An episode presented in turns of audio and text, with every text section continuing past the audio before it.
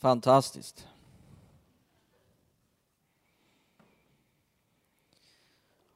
Okej, vi ska ta fram eh, våra biblar om du har den med dig.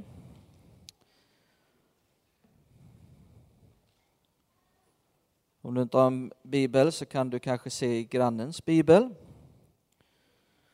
Om de inte har en bibel med sig så tittar de argt i ögonen och säger varför har du inte en bibel med dig?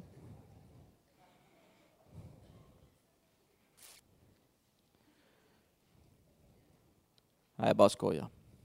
Mikael har sagt att jag ska säga när jag skojar. En del tror att jag är allvarlig.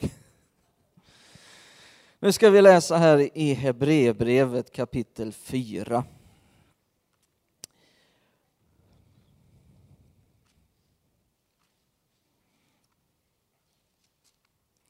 Hebreerbrevet 4 och den femtonde versen så ska vi hitta ett spännande tema som jag har på mitt hjärta att dela med er idag. Men innan vi läser så ber vi tillsammans. Fader Gud, i Jesu namn, vi ber till dig. Vi ber om din nåd över den här gudstjänsten. Vi ber att vi ska få möta dig. Jag ber för varje människa som har kommit hit idag att de ska få möta dig. Det är det viktigaste. Det är därför vi har kommit hit.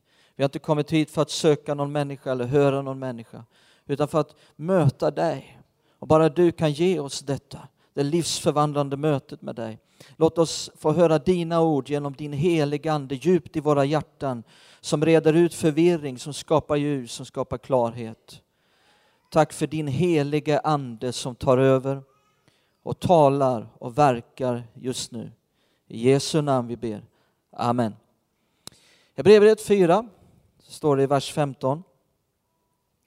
Ty vi har inte en överste präst som ej kan ha medlidande med våra svagheter, utan en som eh, blev frestad i allt liksom vi, men utan synd. Och här kallar Bibeln då Jesus för en överste präst och säger om Jesus att han eh, eh kan ha medlidande med våra svagheter. Eh, en som blev frestad i allt, liksom vi, men utan synd. Mitt tema är idag, är du frestad? Är du frestad? Här ser vi att Jesus blev frestad i allt. Eh, en del har svårt att tänka sig detta att eh, Jesus blev frestad i allt, står det. Kan alla säga allt? Det står inte att han blev frestad i ett par saker. Allt, står det. Och vi ska se samma sak också i kapitel 2, kapitel 2, vers 14 till 18. Så ska vi utgå från de här två verserna, de här två bibelställena. Eftersom nu barnen hade fått del av kött och blod fick han också på liknande sätt del av kött och blod, alltså han blev en människa. För att han, Jesus, genom sin död skulle göra den maktlös som har döden i sitt våld, det vill säga djävulen, och befria alla de som har fruktan för döden har, hade levt i slaveri hela sitt liv. Det är ju inte änglar utan Abrahams barn han tar sig an. Därför måste han i allt bli lik Lägg märke till det. I allt bli lik. Det vill säga, han blev lik oss i allt. Han blev en människa precis som du och jag. Sina bröder för att bli en barmhärtig och trogen överstepräst inför Gud och sona folkets synder. Och lyssna nu på vad det står. Eftersom han själv har lidit och blivit frestad. Återigen står det där att Jesus blev frestad. Kan han hjälpa dem som frestas. Så att Jesus kan hjälpa dem som blir frestad. Så frågan är, är du frestad? Ehm, vi läste att han blev lik oss i allt. Och tar vi då människor som han nu blev lik, eh, så har människor blivit frestade att stjäla. Människor har varit frestade att vara lata. Människor har varit frestade att ljuga. Människor har varit frestade att begå otukt. Människor har varit frestade i att inte lyda Gud. Eh, och när man då gör det så här konkret, blev Jesus frestad i allt? Uppstod det någon slags känsla i honom att vilja göra det? Då har människor lite svårare att eh, tänka sig att Jesus blev frestad i dessa saker. Men om han inte blev det, då blev han inte lik oss i allt. Men det står att han blev lik oss i allt. Anledningen till att de människor har svårt att tänka sig detta, att Jesus blev frestad i allt, det är att man, man tror att eh, då måste det finnas någonting syndfullt, att om man blir frestad, då beror det på att det finns något syndfullt och något ondskefullt i människan. Och om Jesus blev frestad så måste det finnas något fel i honom. Och det är just det som är den felaktiga uppfattningen, att man tänker så om frestelse. Eh, att bli frestad är inte synd. Det är först när man ger efter för frestelsen som det blir synd. Så det här är det första som eh, kristna kan ha svårt med, att förstå att Jesus blev frestad i allt. För man har felaktig uppfattning om frestelse, att det måste vara något fel i, i en människa om man blir frestad. Det andra som kristna har svårt med efter det, att tänka sig att Jesus blev frestad, ja, det handlar om dem själva. Det andra de har svårt med, det är att erkänna att de själva blir frestade. Kristna har jättesvårt med detta. Att erkänna och medge att de blir frestade. För man tror då att man eh, direkt erkänner ondska, eh, syndfullhet, om man medger att man är frestad. Eh, mycket av de här felaktigheterna och de här felaktiga tankarna har ju självklart uppstått för att kyrkan på vissa håll har kablat ut ett felaktigt budskap. Eh, kyrkan har ibland gett intrycket av att är du frestad är du skyldig. Är du med? Är du frestad är du genast också skyldig. Eh, har kanske gett intrycket av att eh, om du är frälst, om du är fylld av den helige Ande, ja då kan du leva ett liv där du upplever inga frestelser, där du känner aldrig av några frestelser. Och därför vågar folk inte medge att de är frestade. Därför uppehåller man ett slags sken att jag blir aldrig frestad. Och därför kan vi inte heller hjälpa varandra om vi inte ens kan erkänna för varandra att liksom sitta på hemgruppen och säga ja i veckan här så bara kände jag mig så frestad på det här området, kan ni be för mig? Alltså folk är livrädda att säga det, för de tror att de direkt erkänner att det är något fel i dem. Men då är de ju, om de inte upplever några frestelser, om det verkligen är så att jag upplever aldrig några frestelser, ja då är du ju bättre än Jesus. Hallå? För han blev frestad i allt. Hallå? Eh, hamna, låt mig ställa några frågor. Hamnade Jesus på en lägre nivå för att han var frestad? Blev han en dålig människa för att han var frestad i allt? Och nu menar jag riktig frestelse där någonting i honom vill göra det som är fel.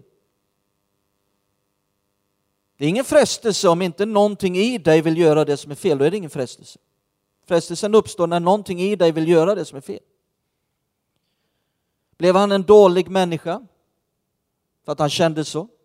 Bodde det någonting fel i honom för det? Eh, nej, Gör det dig till, här kommer en annan fråga, gör det dig till en sämre människa för att du känner en frestelse? Nej. Och låt mig ställa en annan fråga.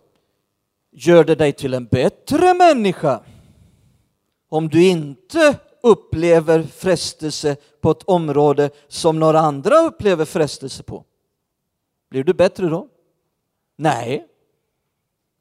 Då är det bara så att då upplever du frestelse på andra områden istället. Nej, inte jag Sven.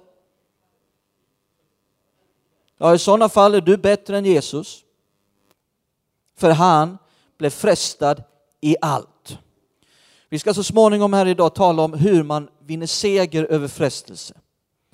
Men det första steget för att vinna seger, det är att faktiskt erkänna och medge att man är frestad.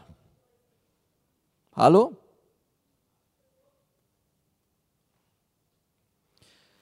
Det betyder inte att det är något fel i dig för att du är frestad. Lika lite som det betyder att det var fel i Jesus för att han var frestad i allt.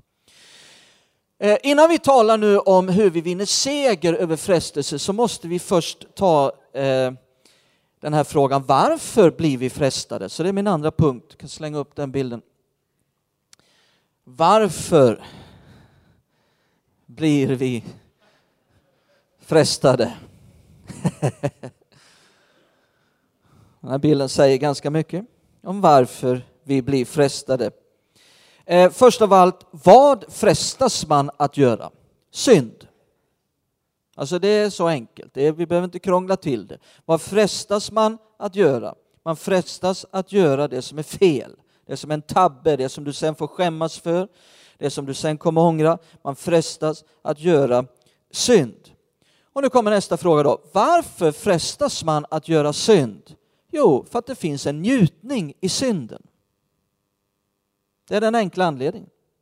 Det finns en njutning i synden av vitt skilda slag beroende på vad det gäller. Titta i Hebreerbrevet kapitel 11. Vi läser mycket i Hebreerbrevet idag.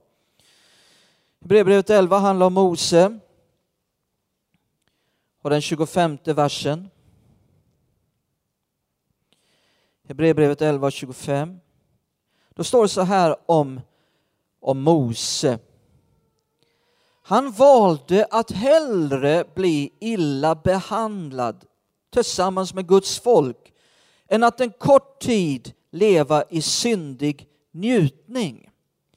Så anledningen till att man blir frestad, här, här, här handlar om att Mose han, han valde inte njutningen i synden utan valde en kort tid att bli illa behandlad eh, eh tillsammans med Guds folk. Eh, så Mose valde bort det där, han vann seger över det där. Men här förklarar för oss varför man blir frestad. Det är för att det finns en, en njutning i synden. Återigen så har det ibland kablats ut ett felaktigt budskap från kyrka, från predikanter. Predikanter på en del håll har tutat i människor att det finns ingen njutning i synden. Att synden är inte kul. Den är bara hemsk och eländig. Och även föräldrar till barn har tutat i barnen samma sak. Att eh, det, det blir inget kul. Om du hänger på det där gänget och gör de där och de där sakerna så kommer du bara ha tråkigt. Det kommer bara, bara vara hemskt och eländigt. Du kommer inte ha kul. Och barnen kan inte relatera till sånt snack. De, tänker, de säger ja mamma och sen går de därifrån och tänker det kommer att bli jättekul. Alltså låt oss vara ärliga. Ingen blir hjälpt om man inte är ärlig. Det finns en njutning, en kul njutning i synden och det är därför man blir frestad. Bara ta ett exempel. Om jag håller på och fastar en dag, två dagar. Alltså det spelar ju ingen roll hur länge jag fastar så blir jag aldrig frestad att äta maskrosor. Eller hur? Om jag så höll på i 50 dagar så skulle jag aldrig känna en frestelse att börja käka maskrosor. Varför det? Det finns ingen njutning att käka maskrosor. Jag blir inte frestad av det. Men om jag däremot har fastat en dag eller två dagar, kommer hem, här sitter familjen och käkar pizza. Ja, jag blir ju frestad direkt, dreglar som en rottweiler. Jag vet att du är så helig så du blir, känner inte av sådana där saker. Jag blev frestad direkt, jag ställer bilen utanför huset liksom, bara känner pizzalukten i halva kvarteret.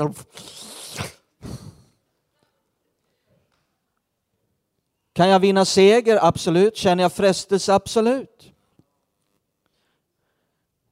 Man blir frestad. Det är den ena anledningen, vi svarar på frågan varför blir man frestad? För att det finns en kul njutning i synden. Den andra anledningen är att, att det finns en frestare. Hallå? Det får vi inte, vi får inte köra huvudet i sanden som en struts här. Det gör ju de egentligen inte, men det är en bild i alla fall.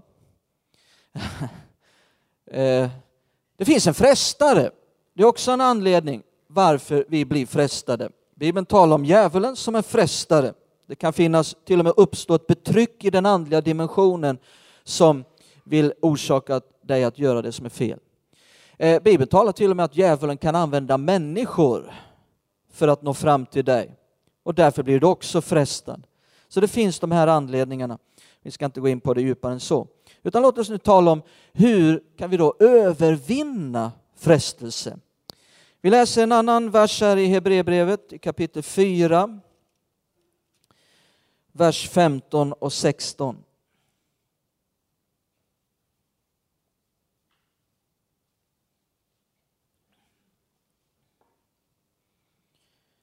Hebreerbrevet 4, eh, vers 15 och 16.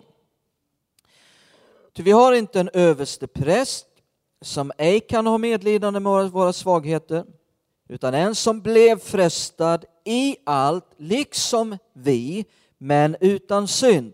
Låt oss därför frimodigt gå fram till nådens tron för att få barmhärtighet och finna nåd till hjälp i rätt tid. Alltså den här versen har vi citerat jättemycket om att få gå fram frimodigt till nådens tron för att få barmhärtighet och finna nåd till hjälp i rätt tid. Och så har vi applicerat den versen på jättemycket i våra liv, att vi behöver hjälp på många områden. Men vet du vad den versen handlar specifikt om? Att få hjälp att vinna seger över frestelse. För det är vad det handlar om i versen innan, där det står att Jesus blev frestad i allt precis som vi. Låt oss därför, ordet därför kom, binder ihop de här två verserna. Låt oss därför, för att Jesus har medlidande med våra svagheter, låt oss därför gå fram till nådens tron och finna nåd till hjälp i rätt tid precis där i frestelsens tid, så kan du få hjälp av Gud. Och Det är där vi måste börja, hur vi övervinner frestelsen. Du kan få hjälp. Och titta här i kapitel 2 och vers 18 igen. Vi läser den versen en gång till. Kapitel 2, vers 18. Eftersom han själv har lidit och blivit frestad kan han hjälpa de som frestas. Här hittar vi ordet hjälp igen. Jesus kan hjälpa dem som har blivit frestade. Varför kan han det? Kan Jesus hjälpa dig? Jag har flera anledningar. Nummer ett, han har själv blivit frestad i allt. Han fattar vad du går igenom. Det var inte så att frestelsen var något som han var helt oberörd utav, utan någonting i honom ville göra det som var fel. Annars är det ingen frestelse. Så han fattar vad du går igenom. Han blir lik oss i allt. Han vann seger. Och det är den andra anledningen till att, att eh, han kan hjälpa dig. Han vann seger. Han har medlidande med dig, därför kan han hjälpa dig. Och sen vann han seger. Han bevisade att det är möjligt att leva i seger. Det är underbart. Ja, men det var ju Jesus, han är Guds son. Det är klart att han kunde leva i seger. Ja, vänta nu lite, stopp. Han gjorde inte det som Guds son, utan som människa lik oss i allt. Så vann han seger. Det vill säga om du kommer till nådens tron och du säger Jesus hjälp mig. Ja, kommer han då säga ja, du förstår att den här saken som du behöver hjälp med nu, det går inte att vinna seger över det. Du kommer aldrig att lyckas. Just den här grejen kan man inte vinna seger över. Nej, han kommer aldrig att säga det, att du inte kan vinna seger. Återigen har kyrkan på sina håll kablat ut fel budskap och sagt att vi är alla eländiga syndare. Och det går inte en förmiddag utan att man syndar. Det går inte att leva en förmiddag. Men Jesus säger inte det. Han säger du kan, du kan klara resten av förmiddagen, du kan klara hela dagen. Du kan klara hela veckan. Du kan klara en hel månad. Du kan klara ett helt år i seger. Det är det positiva budskapet. Är inte det ett positivt budskap? Det är ett positivt budskap. Det är ett löfte. Var nu inte en lagisk människa som genast omvandlar löfte till krav. Nu måste jag bevisa det här. Och... Bara ta det som ett löfte. Gå till Jesus. Han har medlidande. Han är med dig. Både du och han vill leva i seger. Att du ska leva, kunna klara av det här. Eh, för din egen skull.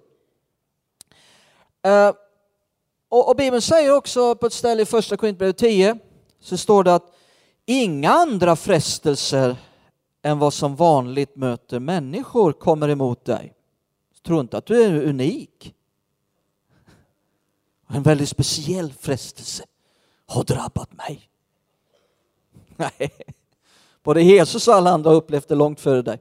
Eh, liksom, eh, och I några översättningar står det prövningar, men det grekiska ordet kan lika gärna översättas med frestelse. Och då står det eh, inga andra frestelser än vad som vanligt möter människor kommer emot dig och vill få dig på fall. Men när Gud låter frestelsen komma mot dig så bereder han också, vad då? En utväg, precis. En utväg. Det finns alltid en väg ut. Gud bereder den till och med, öppnar upp den för dig, vill hjälpa dig ut på den rätta vägen. Titta här nu så ska vi se några eh, sätt. Hur kan vi leva i seger? Hebreerbrevet 5. Vi tar Jesus som exempel. Hebreerbrevet 5 och vers 7. Så står det, medan han levde här i köttet som människa ropade han högt. Vad gjorde han? Han ropade högt under tårar när han bad och åkallade den som kunde rädda honom från döden och han blev bönhörd och tagen ur sin ångest. Alltså vad tänker du på när, när du läser den här versen? Jag tänker på Getsemane. Han ropade högt under tårar. Det var så han mötte frestelsen. Att han ropade högt under tårar och åkallade den som kunde rädda honom undan döden. Så låt oss gå och titta på detta i Getsemane i Lukas 22.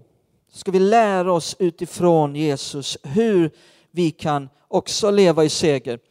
Uh, han är vår mästare. Han är inte ett, ett fullständigt omöjligt exempel att efterfölja. Nej, han vill att vi ska efterfölja honom, eller hur?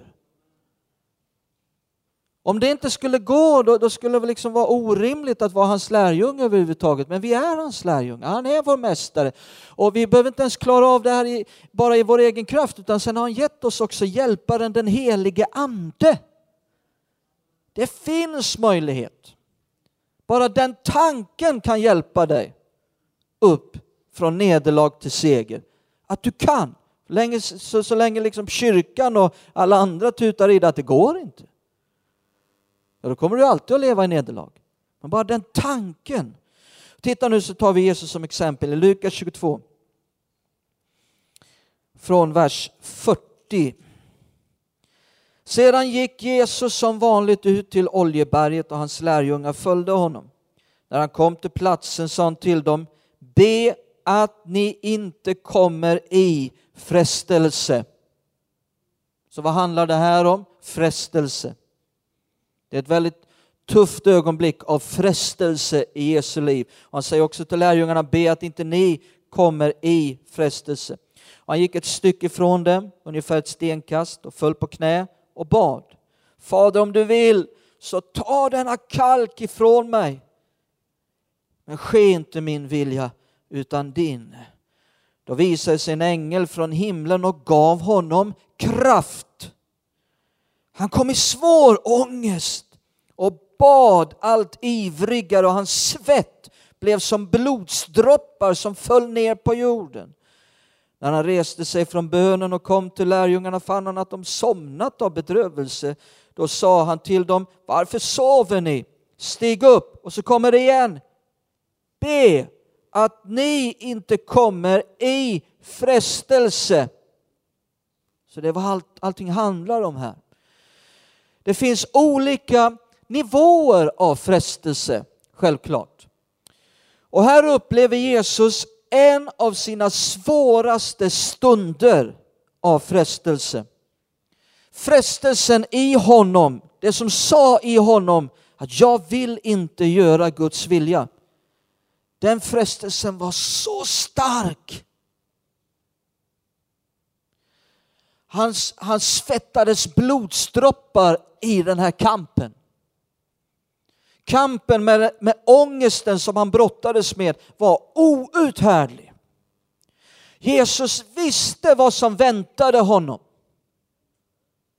Och all, det var så mycket i honom som skrek, jag vill inte det.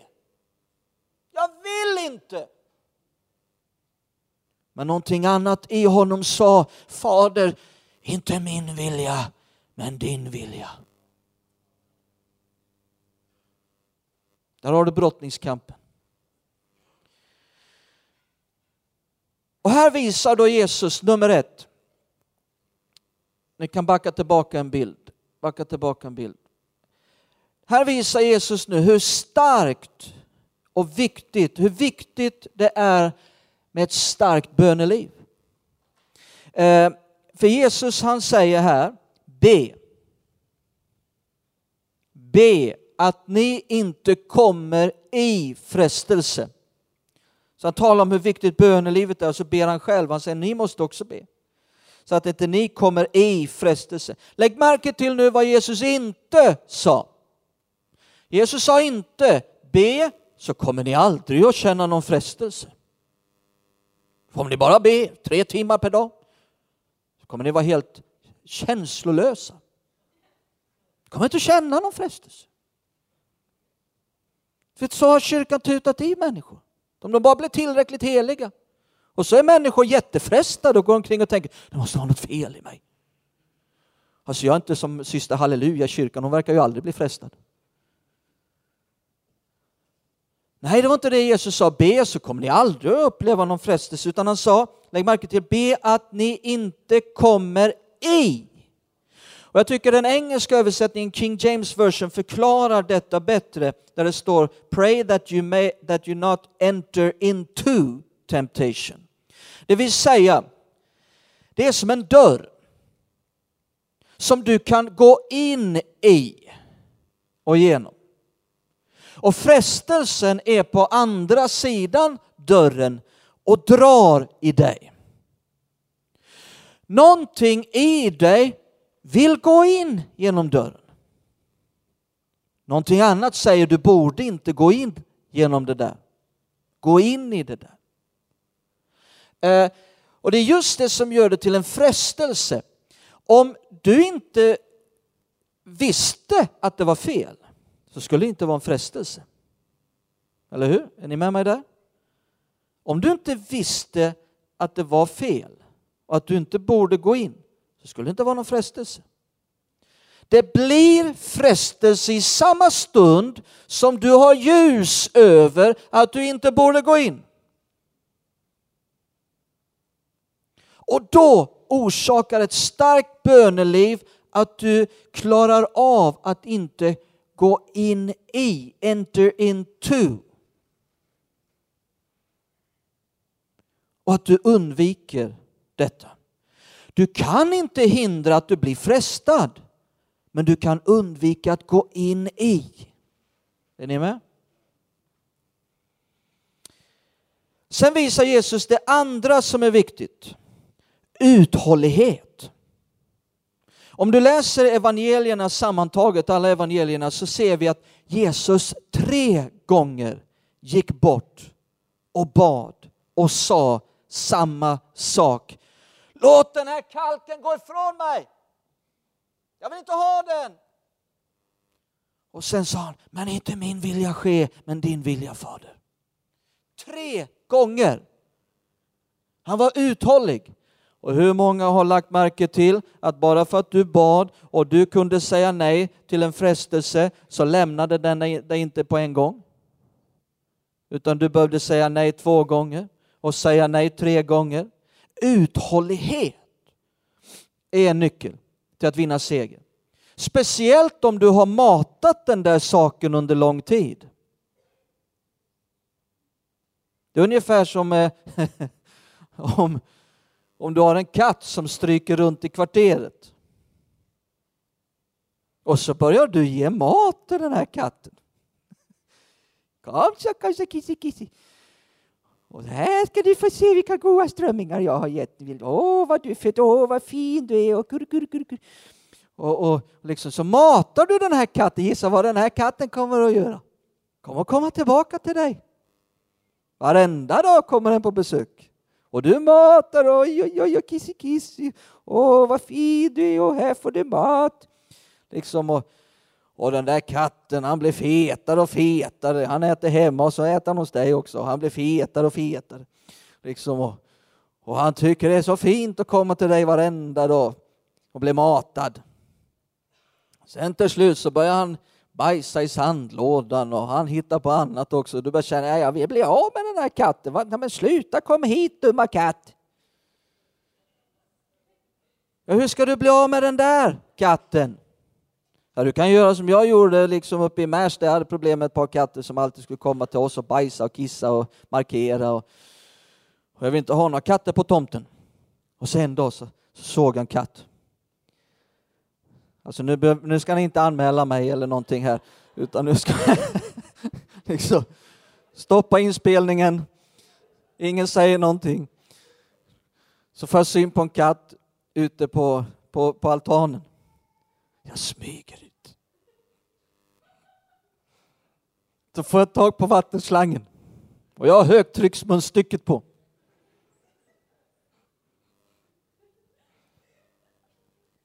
Och sen rätt vad den är, tre, fyra meter. Och den där katten som jag hade haft problem med ett halvår, den gjorde 20 varv inne på altanen. Och jag får så här. Den var helt dränkt. Och den hittade inte ut från altanen fast den fanns stora möjligheter att komma ut. Den visste inte hur den skulle komma ut, den bara runt, runt, runt, runt, runt, runt. Och liksom så här, Foo! över hela syrenbärshäcken. Eh, eh, jag såg aldrig den där katten igen. Så länge vi bodde där. Nej, nu tror jag inte att det är så vi ska ta hand om frestelsen. Att liksom försöka med våld. Det kan tvärtom bara bli negativt, att man blir, det blir sånt fokus på det hela. Utan vad, vad, ska du göra om du har problem med den här feta kissen som du nu har matat och matat och matat? Sluta mata katten! Gissa vad som händer efter ett tag? Ja, den kommer sluta komma till dig. Väldigt bra tips. Sluta mata katten. Sen, vad mer ser vi hos Jesus? Jo, han behövde tre lärjungar. Han tog med sig tre lärjungar för att backa upp honom. De somnade ju för sig, men, men eh, han kände att det finns en styrka i att andra står med. Jag ska inte gå in på djupet här, va? Men, men bara en enkel sanning. Om du ska vinna seger över frestelse så kan du inte haka på det gäng som alltid faller för alla frestelser. Haka på rätt gäng. Väldigt enkel sanning. Vad mer kan vi se här? Eh, Jo, att den uthålliga bönen hos Jesus gjorde till sist att en ängel kom och styrkte honom och gav honom kraft. Samma sak ser vi eh, tidigare i Jesu liv när han var i öknen i 40 dagar. Då står att djävulen kom tre gånger och frestade honom. Och när detta var färdigt så kom änglar fram och styrkte honom. Betjänade honom. Jag tror att vi kan få uppleva samma sak genom uthållig bön. Men jag tror att vi dessutom har någonting som är ännu bättre. För Jesus säger att han vill hjälpa oss. Han vill komma till dig och styrka dig, ge dig kraft. Om du menar allvar och vill leva i bön. Sen fanns det någonting annat i Jesu liv som gjorde att han eh, vann seger. Kan slänga upp nästa bild. Och det var glädjen som ligger framför. Titta här i Hebreerbrevet 12. Att ta sikte på glädjen som ligger framför kan göra att du vinner seger. Hebreerbrevet 12, vers 2-4.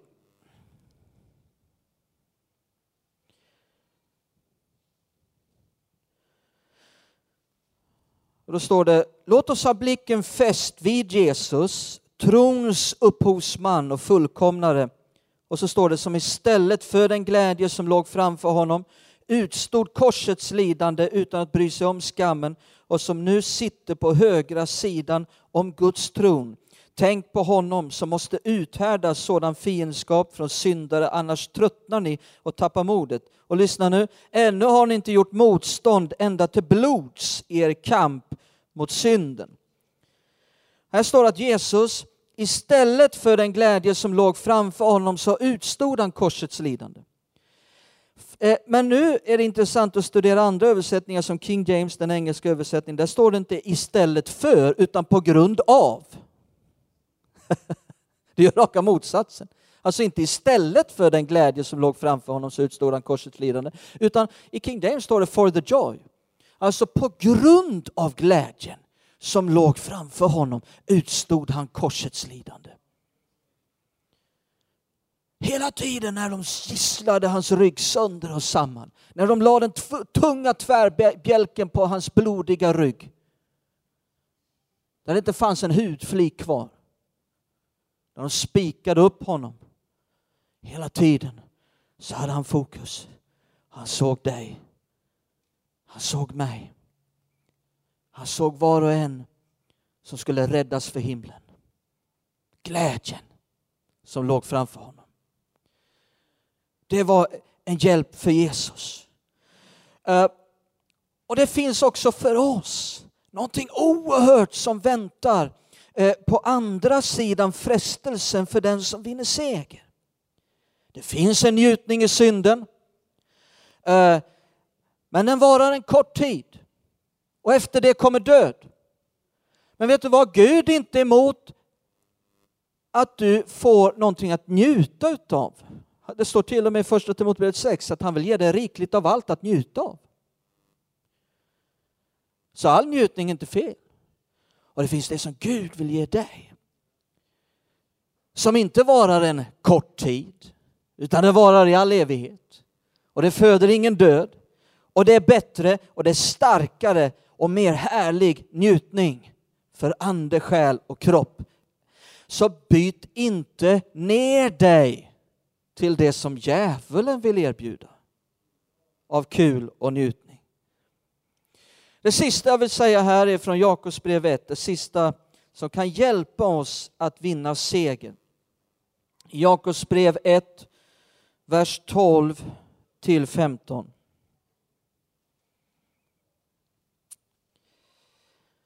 Jakobs brev 1, 12 till 15. Då står det så här. Salig är den som håller ut i prövningen. Läs frestelse, för det, det här grekiska ordet kan översättas lika gärna med prövning eller frestelse. Frestelse är en prövning.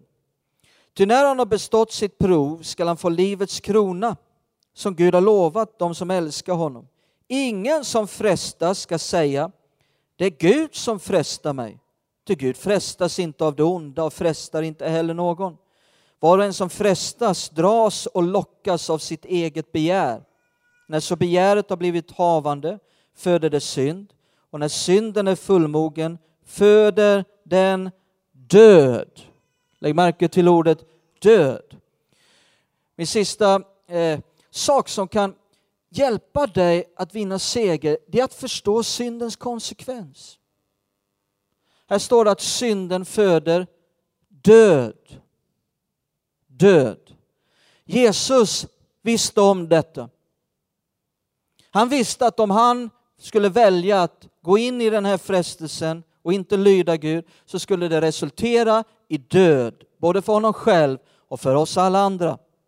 Och det gjorde att han härdade ut till att ta det fruktansvärda lidandet.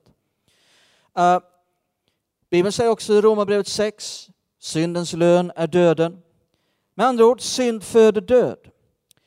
Och den vetskapen är så viktig att ha med sig i detta, att synd producerar alltid död.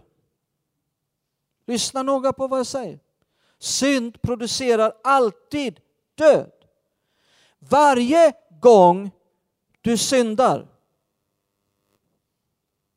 varje gång du syndar, så producerar det död i någon form. Jag talar inte om fysisk död nu enbart, utan död, förödelse i någon form producerar alltid synden. Och Det är så viktigt att ha med sig detta. Det finns en man i Bibeln eh, som man ofta nämner som ett eh, underbart exempel på att Gud förlåter. Och det är David. Ni som känner till det här vet vad det är jag talar om. Den store hjälten, David, som precis som alla andra blev frestad i många saker. Mestadels så vann han seger. Men en gång så var det förödande. Och vi känner till berättelsen hur David hamnar i sexuellt umgänge med Batseba. Kommer ni ihåg den här berättelsen? Uh, och, och, detta leder sen till att uh, han mördade hennes man, Uria, på ett väldigt brutalt och hemskt sätt. Sen kom profeten och avslöjade David. Och David bröt ihop fullständigt. Han blev på djupet förkrossad och bruten och ropade till Gud om förlåtelse. Förlät Gud honom? Ja. Fick han en upprättad relation med Gud? Ja. Tog Gud bort alla konsekvenser av hans handling? Nej. Så om vi vill nämna David som ett exempel på att Gud förlåter och också sen är det bara att köra på och det ska inte bli några konsekvenser, då misstar vi oss.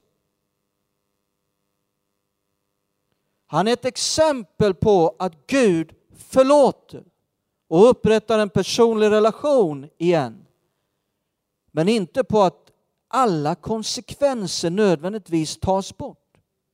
Jag talar om att varje gång du syndar föder det död i någon form. Vi måste förstå det här allvaret. Både för dig och också för andra människor runt omkring. Vad blev konsekvenserna här utav hans handling? Ja, först utav allt, det resulterade i mycket död. Först av allt, Batsebas man, Uria. Han mördades. Nummer två, det barn som Batseba nu födde dog. Nummer tre, i kapitlet direkt efter så ser vi hur eh, Davids son, egen son Amnon, eh, våldtar sin syster Tamar. Tamar dog inte fysiskt, men hela hennes framtid var fullständigt ödelagd. Död. Därefter, direkt därefter, så dödar Davids son, andra son Absalom, dödar Amnon. Och Amnon var Davids älsklingsson. Nu dog Amnon. Och direkt efter det så gör Absalom uppror mot David och förråder honom. Och David ville inte att man skulle döda och straffa Absalom med död. Men det gjorde de i alla fall. Och Absalom, Davids andre son, dog. Förlät Gud David? Absolut. Tog han bort all konsekvens? Nej. Fem stycken fick sina liv ödelagda. Uria, barnet, Amnon, Absalom, Tamar. Eh, så jag säger inte att Gud inte förlåter. Jag säger inte att du tappar frälsningen. Men vi måste förstå att varje handling i synd producerar någon form av död. Och den förståelsen behöver vi ha med oss och kan hjälpa oss bland andra saker som kan hjälpa oss att leva i seger. Anledningen till att Gud älskar dig och erbjuder dig evigt liv, inte för någonting du har lyckats med eller inte lyckats med. Nej, att, du, att Gud har behag till dig och älskar dig och välkomnar dig in i sitt rike som sitt barn beror bara på att Jesus har dött för dig. Tagit all din synd. Så att vinna seger, det är ju för din egen skull. Hallå? Det är inga lagiska krav att vinna rättfärdighet och vinna en biljett till himlen och då ska nog Gud tycka om mig och svara på mina böner och allt det här. Nej! Det är för att Gud vill att du ska ha ett bra liv. Han har någonting fantastiskt som väntar på dig. Av glädje, av frid, av tillfredsställelse. Han har planer för ditt liv. Han vill inte att du ska missa det. För din egen skull vill Jesus hjälpa dig att vinna seger. Halleluja! Är inte det underbart? Ska vi stå upp tillsammans? Kanske att någon kan spela lite försiktigt bara, bara lite försiktigt. Låt oss vända oss till Gud, bara ett par minuter i stillhet inför Gud. Kanske att du känner här idag att det där var ett, ett ord ifrån Gud till mig. Du kanske behöver forma en personlig bön, viska en personlig bön till Gud för ditt liv, där du befinner dig just nu. Det kan du få, få göra precis där du står. Jesus är här mitt ibland oss. Han sa där, där vi samlas i hans namn, där är han. Han är här för att möta dig, ge dig kraft, ge dig hjälp. Du behöver inte ens att, att någon ber för dig, lägger händerna på dig, utan precis nu så kan du vända ditt hjärta till Gud. Viska en enkel bön om hjälp, om nåd i rätt tid precis där du befinner dig. Vi ska alldeles strax be en frälsningens bön. En bön till frälsning. Det är det viktigaste som sker i våra gudstjänster. Innan vi gör det så vill jag göra en enkel inbjudan. Det finns säkert några här idag, flera, som, som säger Sven, eh, jag är inte en kristen. Jag har inte levt något kristet liv. Men jag skulle vilja ta ett steg idag. Jag skulle vilja fatta ett beslut. Att bjuda in Jesus i mitt liv. Jag vill få tillhöra honom. Jag, vill...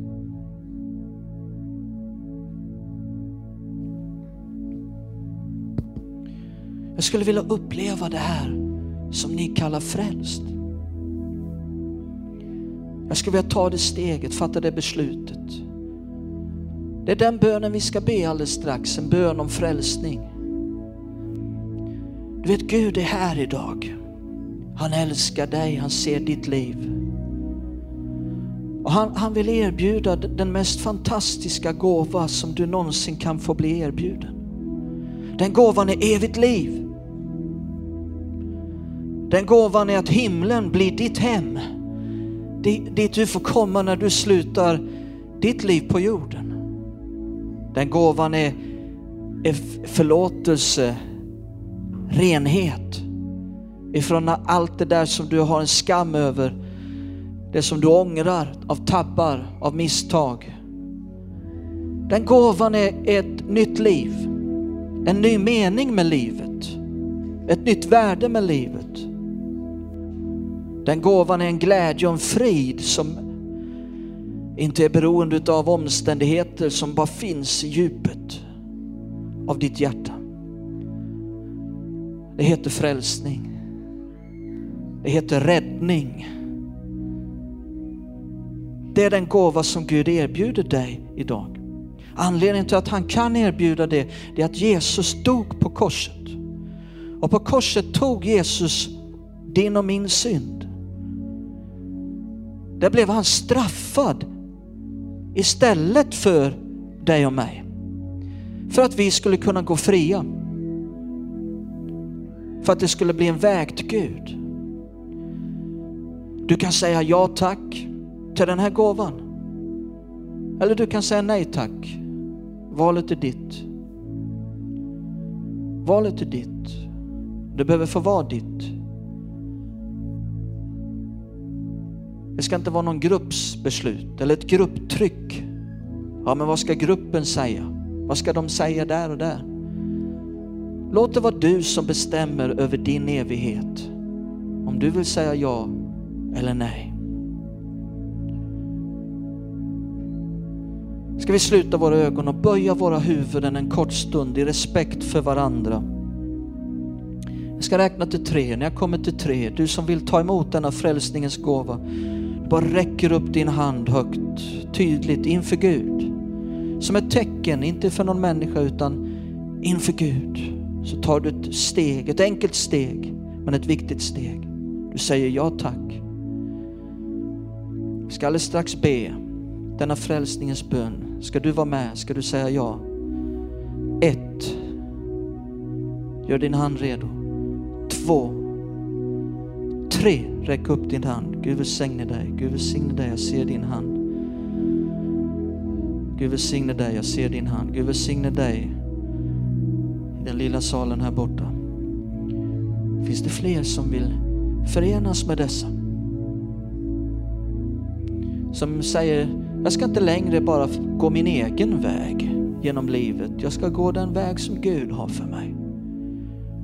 Finns det någon mer? Gud välsigne dig, jag ser din hand på läktaren. Finns det någon mer? Det är fem, sex händer uppe. Och det är det dyrbaraste som finns i vår gudstjänst inför hela himlen. Jesus sa när en vänder om så blir det glädje i hela himlen. Hela himlen gläds för bara en. En är så dyrbar. Det var en som Jesus såg. När de gjorde hans rygg till en blodig massa. Då såg han den personen. Och så säger Jesus till hela himlen. Nu kommer han hem. Nu kommer hon hem. Hon sa ja. Han sa ja. Så gläds alla Guds änglar. Finns det någon mer? Vi ber tillsammans. Du kanske är ovan att be, då kan du be efter mig. Jag ber före, så ber, så ber vi alla tillsammans. Låt oss be. Fader Gud i himlen. Du är Gud. Det finns ingen annan Gud förutom du. Jag tackar dig att du är kärleken. Tack att du erbjuder mig denna gåva idag. Rening, förlåtelse. Att få tillhöra dig. Att få vara ditt barn. Att få tillhöra ditt rike. Jag vill ta emot denna gåva idag. Jag vill ta emot frälsningen. Gud fräls mig. Jag vill denna dag göra Jesus till min Herre och min frälsare. Jesus, jag vill följa dig resten av mitt liv och i all evighet. Jag vill säga, inte min vilja ske, men din vilja. Tack Gud att du frälser mig just nu. Tack Gud att från denna stund så tillhör jag dig. I Jesu namn. Amen. Om du bad denna bön från ditt hjärta, då kan du veta att frälsningen är din. Du tillhör Gud. Du kan vara trygg i detta. Om du var här idag och du kanske tvekade att lyfta din hand. Du kanske kände att du ville lyfta din hand men tvekade. Jag var där innan jag tog det här steget. Det var en process på flera månader. Och jag vill bara säga att du är så varmt välkommen tillbaka nästa vecka, veckan därefter, så länge du vill. Det är inget tvång, utan du kan bara komma in här och slappna av. Vi välkomnar alla i hela det här samhället. Precis vem man än är. Man ska kunna vara ateist och sitta här i tre år och känna sig älskad. Precis som man är. Sån var Jesus. Sån var Jesus. Det, det, står på ett ställe att, att de här människorna, de, de som kallades för publikaner, och syndare kallades de för. Det står, de höll sig nära Jesus. Alltså han, kunde, han hade förmåga att få folk att slappna av. Som ännu inte hade fattat några beslut och man visste inte om de skulle fatta några beslut. Men ja, de bara kunde hålla sig nära Jesus. De vågade inte hålla sig nära fariseerna. men de höll sig nära Jesus. Ska vi prisa Gud här på slutet? Jag lämnar över mötet. varsågod.